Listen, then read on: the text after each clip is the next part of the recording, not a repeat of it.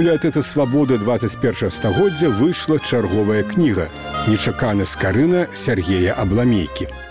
Кніга складаецца з культуралагічнага эсэ ў 25 частках і аўтарскіх інтэрв'ю з беларускімі і замежнымі навукоўцамі пра новыя знаходкі ў скараназнаўстве. А зараз фрагменты кнігі чытае Сергей Абламейка.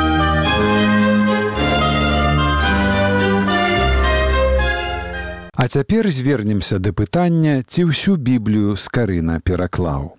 Гісторыкі ведаюць, што друкаваныя выданні ў 16 стагоддзі прадаваліся вельмі доўга. Часам на гэта ішлі гады і нават дзесяцігоддзі. Тым не менш, раней ці пазней наступаў час, калі ўвесь тыраж разыходзіўся. І тады кнігі пачыналі перапісваць. Так сталася і з бібліяй з карыны. Першую з вядомых нам сёння рукапісную копію з карынаўскага выдання псалтыра 1517 году у 1543 годзе стварыў нехта парфен, які жыў у пінскім і кобрынскім староствах.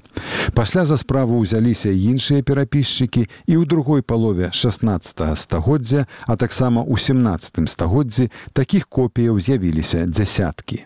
Многія з іх дайшлі да нашага часу, але некаторыя асабліва адметныя сваім зместам. У пачатку 19 стагоддзя холмскі уніяцкі біскуп фердынан ціхановскі які паходзіў з сямятычаў на беластотчыне знайшоў рукапісную біблію 1569 году. Пазней ён падараваў яе бібліятэцы варшаўскага універсітэту з тэксту вынікала што рукапіс гэты быў створаны ў заходнеукраінскім горадзе тэрнополі перапісчыкам луком які акуратна перанёс на паперу друкаваныя кнігі праскай бібліі з карыны. Пра рукапісную біблію 1569 году пісалі некалькі навукоўцаў 19 стагоддзя, у тым ліку Самуэль Лінде, Яахім Лелевель і Пятро Владзіміраў. Менавіта ўладзіміраў яе падрабязна апісаў і апублікаваў гэтае апісанне ў 1894 годзе. Сенсацыйнай асаблівасцю бібліі лукі з тэрнополю было тое, што яна ўтрымлівала кнігі старога запаведу, якіх сярод вядомых нам праскіх выданняў з карыны не было. Гэта дзве кнігі параліпа Мэнан або летапісаў, чатыры кнігі эздры і кніга Тобіі. Біблія 1569 году захоўвалася ў варшаве ў бібліятэцы красінскіх і загінула ў 1944 годзе ў пажары падчас варшаўскага паўстання разам з іншымі каштоўнымі рарытэтамі гэтага кнігазбору. Яшчэ адзін незвычайны варыянт рукапіснай бібліі ў перакладах з карыны з яго прадмовамі да 19 стагоддзя захоўваўся ў бібліятэцы львоўскага базыльянскага манастыра святога ануфрыя, дзе дарэчы пахаваны расійскі і украінскі першы друкар беларус Ян Федарович Іван Фёдараў. У рукапісе некалькі разоў рукой перапісчыка адзначаецца, што манускрыпт створаны Дмітром з зінкава у тым самым манастыры святога Ануфрыя ў 1575 годзе. Незвычайным гэты рукапіс можна лічыць таму, што і ў ім прысутнічаюць біблійныя кнігі ў перакладзе з карыны, якія ў друкаваным выглядзе да нас не дайшлі. Гэта быў велізарны фаліянт на 741 старонку вялікага фармату. У 1843 годзе львоўскі краязнавец русафіл Дзяніс Зубрыцкі падзяліў фаліянт амаль напалам і пераправіў другую яго частку ў Маскву у кнігазбор вядомага навукоўца прафесара маскоўскага універсітэту Михаіла Пагодзіна. Цяпер гэтая частка рукапісу захоўваецца ў расейскай нацыянальнай бібліятэцы ў санкт-пецярбургу, а пачатак рукапісу ў львоўскай навуковай бібліятэцы імя Васіля Стэфаніка. Сярод біблійных кніг у львоўскай частцы прысутнічаюць невядомыя ў друкаваным выглядзе дзве кнігі летапісаў, якія яшчэ маюць агульную назву параліпаменан, а ў пецярбургскім кавалку ёсць кнігі эстры, тобі, макабеяў і 16 кніг прарокаў, якія ў друкаваным выглядзе да нас не дайшлі. Яны, вядома, маглі і не выйсці друкам, але ў гэтым выпадку цяжка было б патлумачыць як, з якой крыніцы на тэрыторыі сучасных Беларусі, Украіны і Польшчы у 16-17 стагоддзях ствараліся рукапісныя спісы з карынаўскай бібліі, ды яшчэ з ягонымі прадмовамі. Адпаведна перад наступнымі пакаленнямі навукоўцаў паўстае новы выклік адшукаць невядомыя пакуль кнігі першай беларускай друкаванай бібліі. Рукапісныя варыянты скарынаўскіх перакладаў дапамагаюць нам адказаць і на пытанне, ці ўвесь стары запавет скарына пераклаў. Адказ відавочны, так, увесь. І пра гэта, дарэчы, некалькі разоў напісаў сам першадрукар. У прадмове да плачу Ярэміі ён коротко расказаў пра гэтага прарока і дадаў. А том шырэй напісал есьмі в предысловіі сваём на кнігі прарочаства яго. Але кніга Ярэміі ў празе друкам не выходзіла, няма яе і ў вядомых сёння рукапісных копіях скарынавай бібліі. Яшчэ больш канкрэтна пра гэта скарына напісаў у сваёй прадмове да першай кнігі царстваў.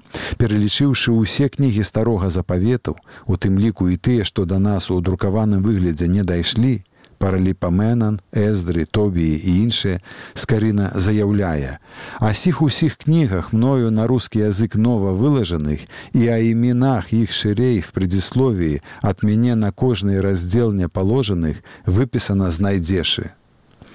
Тут ён дакладна піша пра ўсе кнігі старога запаведу і пра свае прадмовы да кожнай з іх. У таго, хто цікавіцца гісторыяй беларускай культуры, можа паўстаць пытанне, ці не спрабаваў скарына перакласці і новы запавет Евангелле. Дакладных звестак на гэты конт у гісторыкаў няма, але без такіх звестак можна рабіць даволі абгрунтаваныя высновы. Францішак скарына быў чалавекам буйнога маштабу, буйных магчымасцяў і буйнога плёну. Няма сумнення, што беручыся за пераклад бібліі, ён планаваў перакласці яе ўсю. Пра гэта ён паведаміў нам сам, калі назваў прадмову да кнігі быцця наступным чынам. Прадсловие доктара Францыска скарыны з полацка ва ўсю біблію рускага языка. У гэтым тэксце ён коротко апісаў змест кніг старога і новага запавета, у якія збіраўся выдаць у сваім перакладзе і закончыў яго наступным чынам цитую. «А так и имайте первую часть Библии высловину. Другая пак часть Библии, еже есть новый закон, спасительный, суть книги четырех евангелистов или святое благовествование Матвея, Марка, Луки и Иоанна.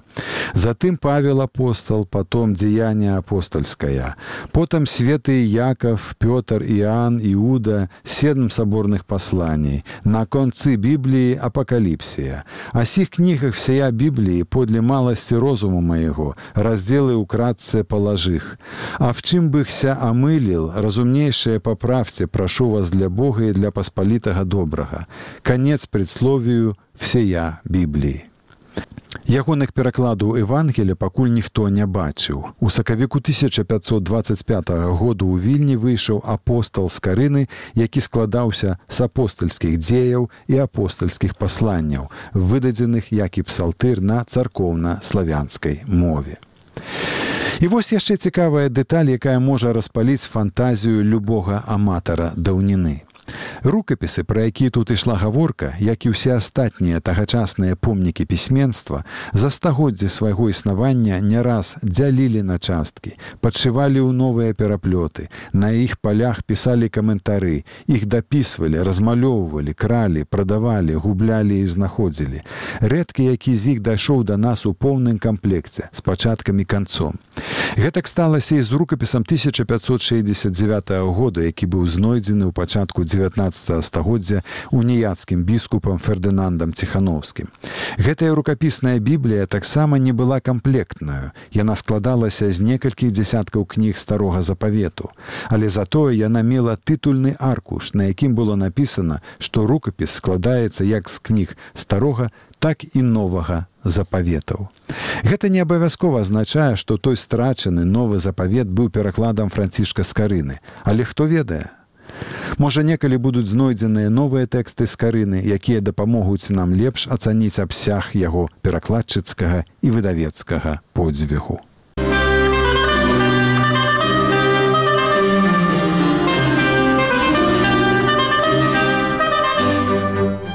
А зараз пра тое, як скарына перамог у дыспуце парацельса. Каб зразумець, чым у двадцатыя гады 16 стагоддзя вільня прывабіла славутага ў будучыні прафесара медыцыны базельскага універсітэту Філіпа Аўрэола Тэафраста Бамбаста фон Гогенгайма, больш вядомага як парацельс, трэба зразумець, якой у часы скарыны была сталіца вялікага княства літоўскага.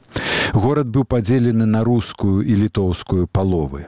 Руская або на сучаснай мове беларуская займала ўсходнюю частку і была ў два разы большая за літоўскую, дзе жылі літоўцы і палякі.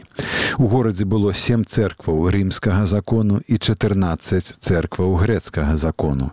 Дзве траціны насельніцтва гораду складалі беларусы. Горадам кіравала рада ў складзе 24 радцаў і 12 бурмістраў. Магдыбургскае права было нададзена абодвум законам, таму адна палова радцаў і бурмістраў заўсёды належала да царквы рымскага закону, а другая да царквы грэцкага закону. На практыцы горадам кіраваў магістрат, у які ўваходзілі два бурмістры і чатыры радцы. Склад магістрату мяняўся штогод. Судовая ўлада належала лаве, якой кіраваў пажыццёва абіраны войт. Самыя важныя пытанні, напрыклад, завядзення новых падаткаў вырашаліся на агульным сходзе паспольства. У горадзе былі верхні і ніжні замкі, палац каралевы, нямецкія маскоўскія дамы для купцоў, палацы членаў паноў рады і іншых магнатаў вялікага княства літоўскага. Галоўнай вуліцай была замкавая, якая пераходзіла ў вялікую. На поўдні захадзе і поўначы, дзе не было ракі, горад атачала мураваная сцяна з чатырма вежамі брамамі: вілейскай, троцкай, рудніцкай і вострай або медніцкай. Троху пазней сцяну працягнулі і па беразе вілейкі, пабудаваўшы пятую браму спаскую. У горадзе існавала 20 рамесніцкіх цэхаў. У вільні жыў скарынаў брат Іван, які быў нашмат старэйшы за францішка. Яшчэ ў іх было дзве сястры. Вільня ў двадцатыя гады 16 стагоддзя была перадавым у медычным сэнсе горадам. У тыя часы ў сталіцы вялікага княства літоўскага працаваў выдатны беларускі лекар, доктар медыцыны і свабодных навук Марцін душнік. Ён заснаваў першую ў вільні бальніцу, шпіталь святой Марыі Магдалены, які месціўся ў спецыяльна пабудаваным для гэтага будынку пад замкавай гарой. Агулам у той час у вільні жыло 5 дактароў медыцыны. Гэта францішак скарына, Марцін душнік, Мэндель Франк, Ян Валентус і доктар Томас. Прафесор Неміроўскі сцвярджае, што ніводзін з тагачасных польскіх, чэшскіх або нямецкіх гарадоў не мог пахваліцца такой колькасцю дактароў медыцыны, якія б там жылі ў адзін час.